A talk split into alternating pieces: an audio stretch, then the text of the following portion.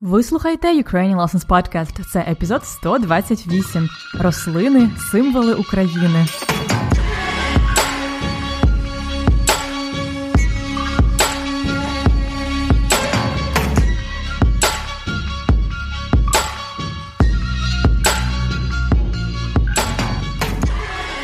Привіт-привіт! Це Анна, ваша вчителька української. І ви слухаєте подкаст Уроки української.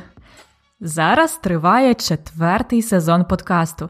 Це уроки високого рівня для всіх, хто вже добре розуміє українську мову і хоче розширювати словниковий запас, вчитися краще розуміти українську і дізнаватися щось новеньке, щось цікавеньке про Україну, українців і нашу культуру. Сьогодні, гадаю, буде досить цікавий урок якраз про українську культуру.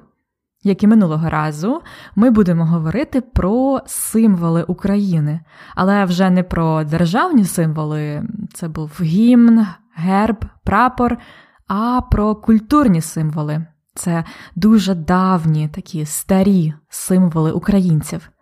Це символи рослини такі рослини, як калина, дуб, верба і так далі. Я розумію, що ви можете не знати всіх назв цих рослин, і важко уявити, який вони мають вигляд. Тому я підготувала для вас фотографії всіх рослин, про які я буду говорити, на сайті, на сторінці подкасту. Тому, якщо ви можете, відкрийте, будь ласка, сторінку ukrainianlessons.com риска епізод 128 ukrainianlessons.com slash episode 128. Але якщо ви зараз їдете на машині чи бігаєте, то ви зможете зайти на сайт пізніше. Потім зможете подивитися фотографію тих рослин символів.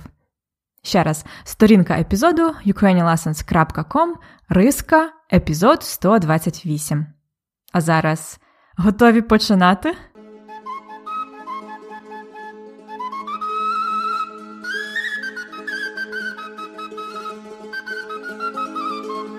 Рослинний світ це дуже важлива частина української культури.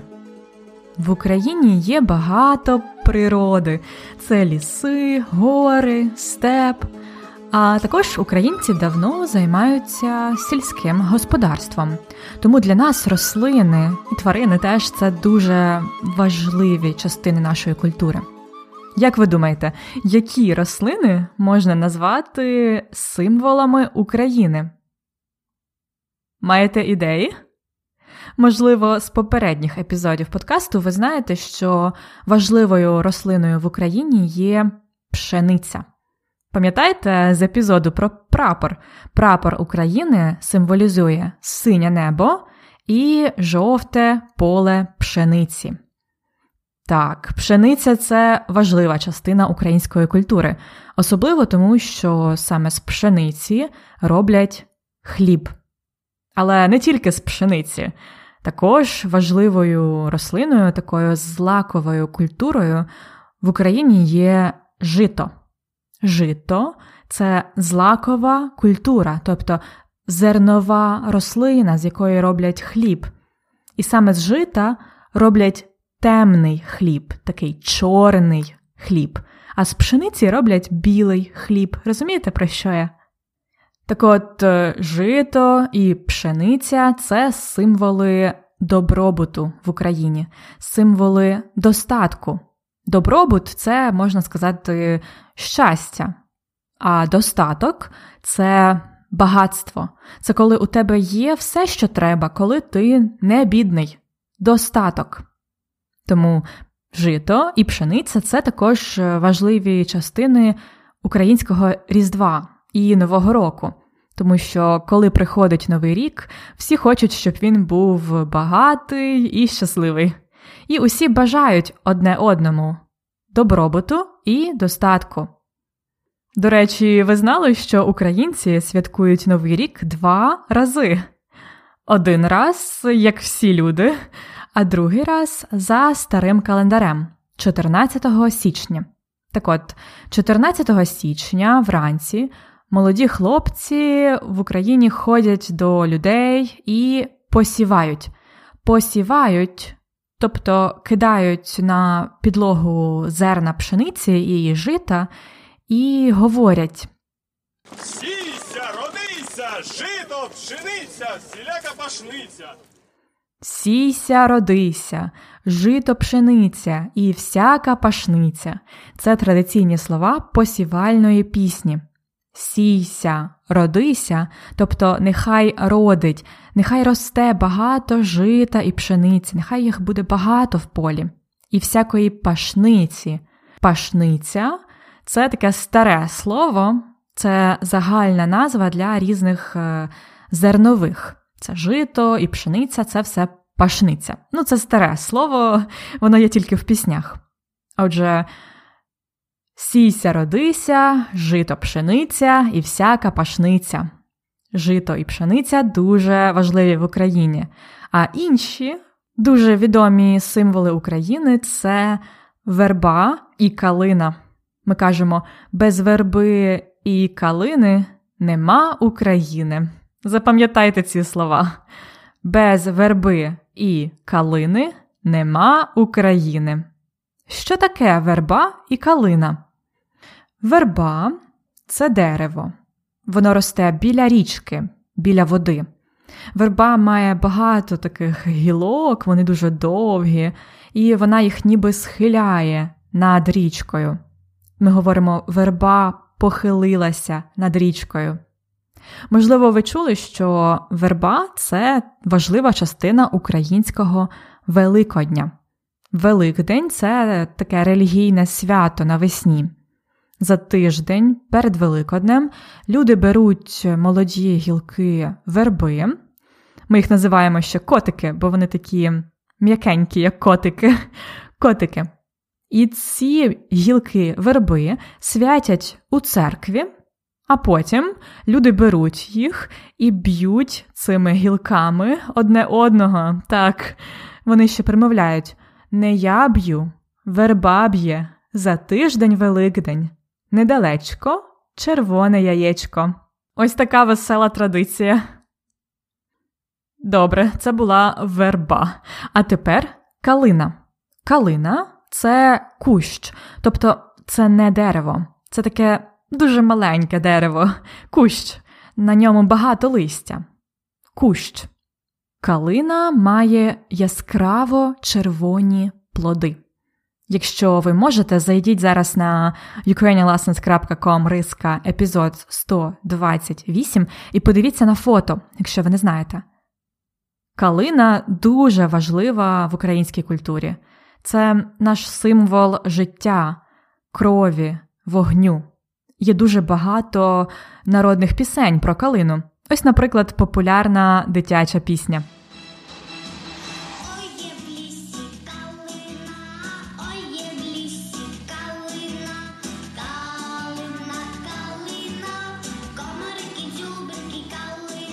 Ми часто говоримо в Україні про щось українське. Ми кажемо калиновий. Прикметник такий, так, від калина. Навіть про українську мову ми часто говоримо наша мова калинова. Так, Калина дуже важлива в нашій культурі. Знову ж таки, як кажуть, без верби і калини нема України. Добре, отже, ми згадали з вами вербу. Це важливе дерево в Україні. А які ще дерева є символічними для нас? По-перше, це дуб. Дуб це язичницький символ Бога Перуна, це дерево життя. Ми говорили про дуб минулого разу, коли казали, що герб нагадує дуб, так, це язичницький символ. Дуб означає силу, мужність, витривалість. Колись е, в Україні, коли народжувався хлопчик у родині, Господар, його батько, садив біля хати дуб. Інше важливе дерево це вишня. Вишня має кислуваті червоні плоди. Я їх дуже-дуже люблю. Я дуже люблю вишні. М-м, коли я думаю про варенички з вишнями зі сметанкою, У мене аж слинка тече. А ви куштували вареники з вишнями? Чи, можливо, налисники з вишнями, чи пиріжки з вишнями? Це смакота. Ми дуже любимо додавати вишні у десерти. І в українських сім'ях, особливо в селі, часто є дерева вишень або цілі вишневі сади. Вишневий сад часто згадується в українських віршах, у піснях. Ну, наприклад, е, одна з найвідоміших українських пісень про кохання так і називається Ой у вишневому саду.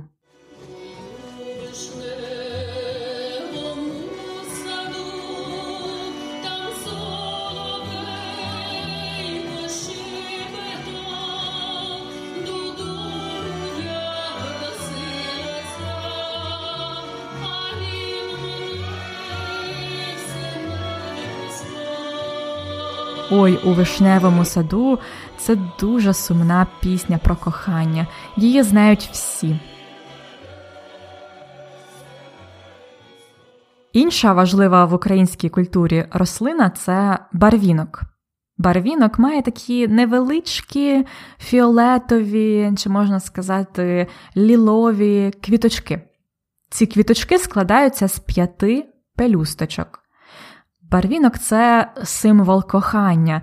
Навіть згідно з легендою, барвінок утворився внаслідок кохання хлопця бара і дівчини вінки. Так і утворився барвінок. Барвінок дівчата вплітають у свої вінки. Знаєте, вінок, вінки. Вінок це такий круглий головний убір, який роблять дівчата з рослин і з квітів, і часто вони одягають цей вінок на голову на свято Івана Купала або перед весіллям. Інша квітка, символічна для українців, це мальва. Мальви це такі великі рожеві квіти, які дуже часто можна побачити в українському подвір'ї біля хати. Можете подивитися на сайті. І ще одні важливі для нас квіти називаються чорнобривці. Чорнобривці це символ матері, материнської любові і батьківщини України. Усі українці, мабуть, асоціюють чорнобривці з відомою піснею. Це пісня Чорнобривці на слова Миколи Сингаївського. Ось вона у виконанні Віктора Павліка. Чорнобривці насіяла мати у моїм світанковім краю, та й навчила веснянки співати про квітучу надію мою як на ті чорнобривці погляну, бачу маті стареньку,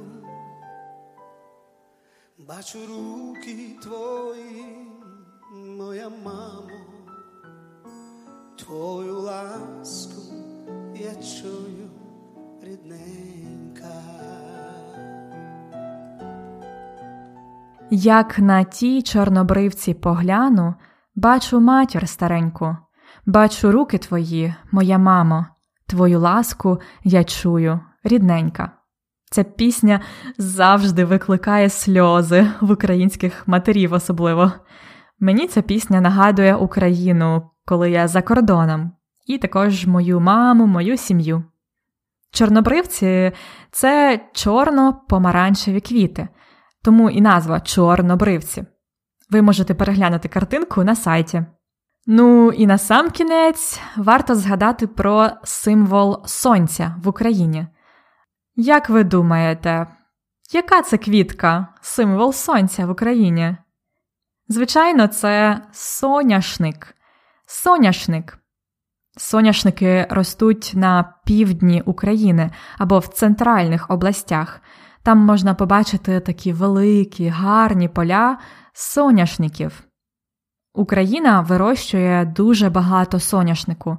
Ми робимо з соняшнику олію і насіння. Якщо я не помиляюся, Україна це найбільший виробник соняшнику у світі. Звичайно, соняшник це символ сонця і символ достатку. Отже, це були основні рослинні символи України. Звичайно, їх є більше: це і каштан, символ Києва, і інші квіти, наприклад, волошки. Але занадто багато буде вам інформації на один епізод, правда? Наступного разу я розповім вам про інші символи України, про тваринний світ.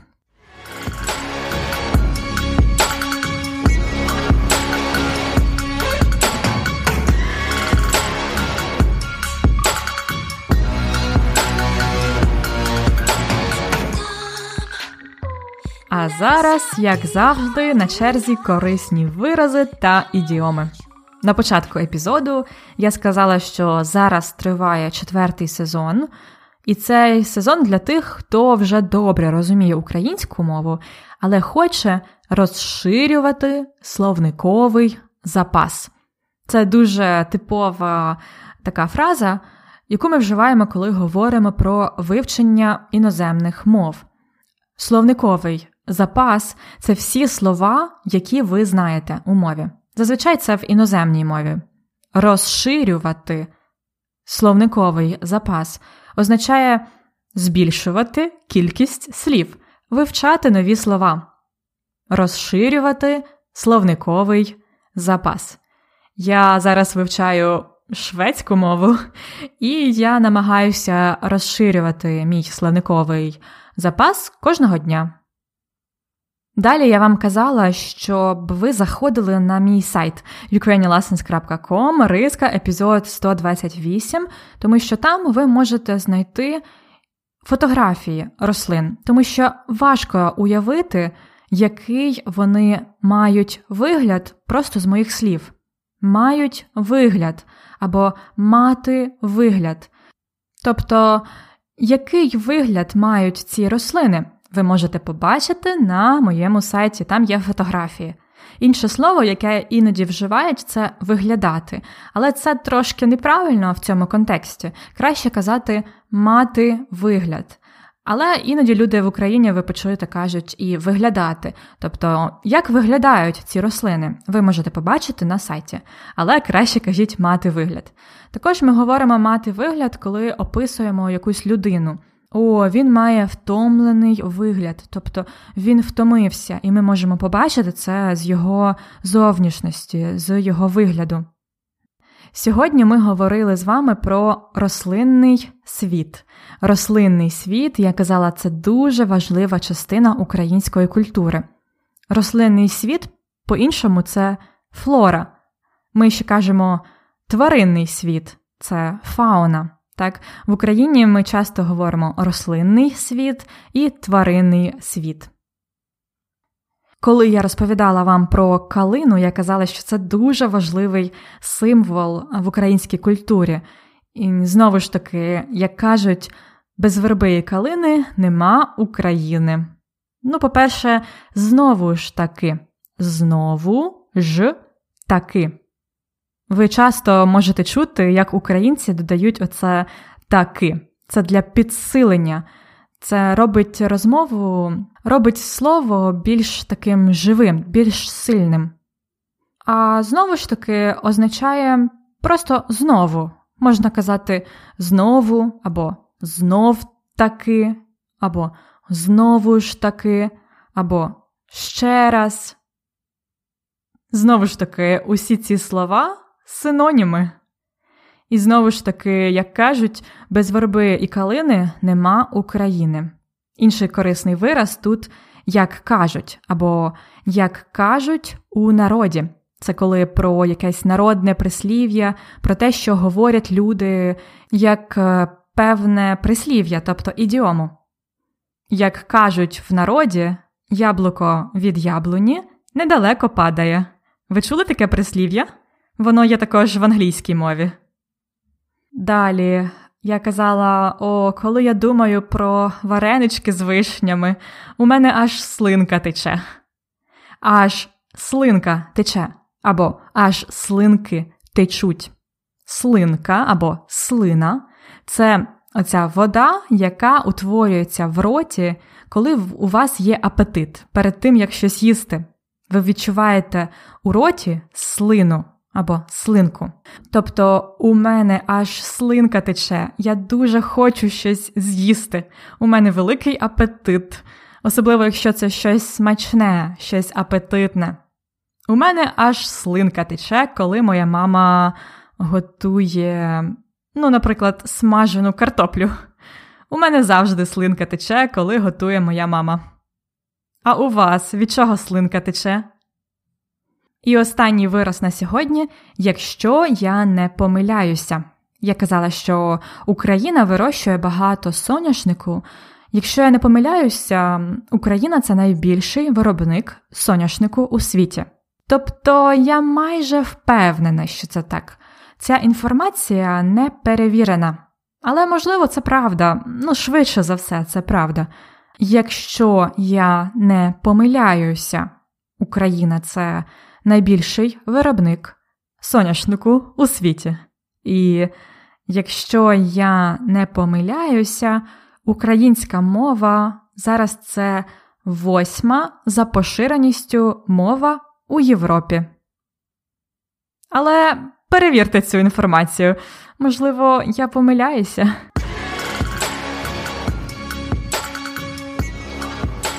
Цікавинка з граматики. У граматичній рубриці сьогодні я хочу поговорити про один одного, один одного, одне одного чи одна одну. Ми вживаємо цей вираз з дієсловами, наприклад, розуміти один одного, бачити одне одного. Але коли ми вживаємо один одного, а коли одне одного. Сьогодні я розповідала вам, що коли приходить новий рік, усі хочуть, щоб він був щасливий і багатий, і усі бажають одне одному добробуту і достатку. І ще раз я казала, за тиждень перед Великоднем люди святять вербу і потім б'ють нею одне одного. Тому чому я вживаю одне одного? Тому що я говорю тут про всіх людей. Загалом, не конкретно про когось, а загалом. І серед цих людей є і хлопці, і дівчата, і жінки, і чоловіки.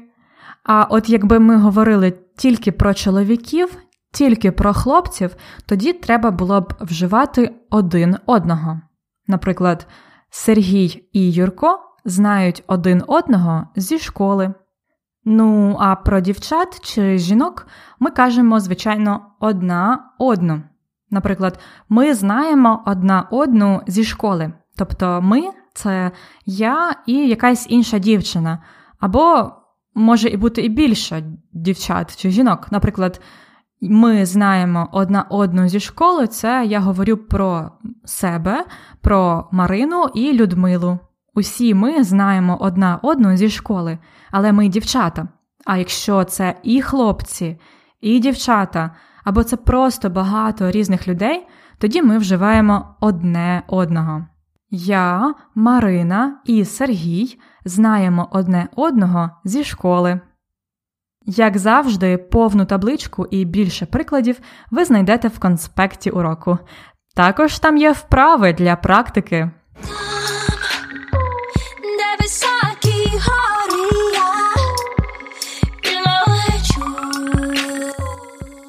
І на цьому все.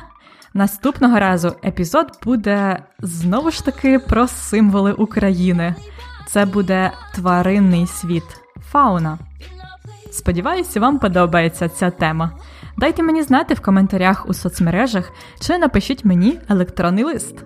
А також не забувайте, що повний текст епізоду з перекладом складних слів, з табличками і вправами для практики є в конспекті уроку.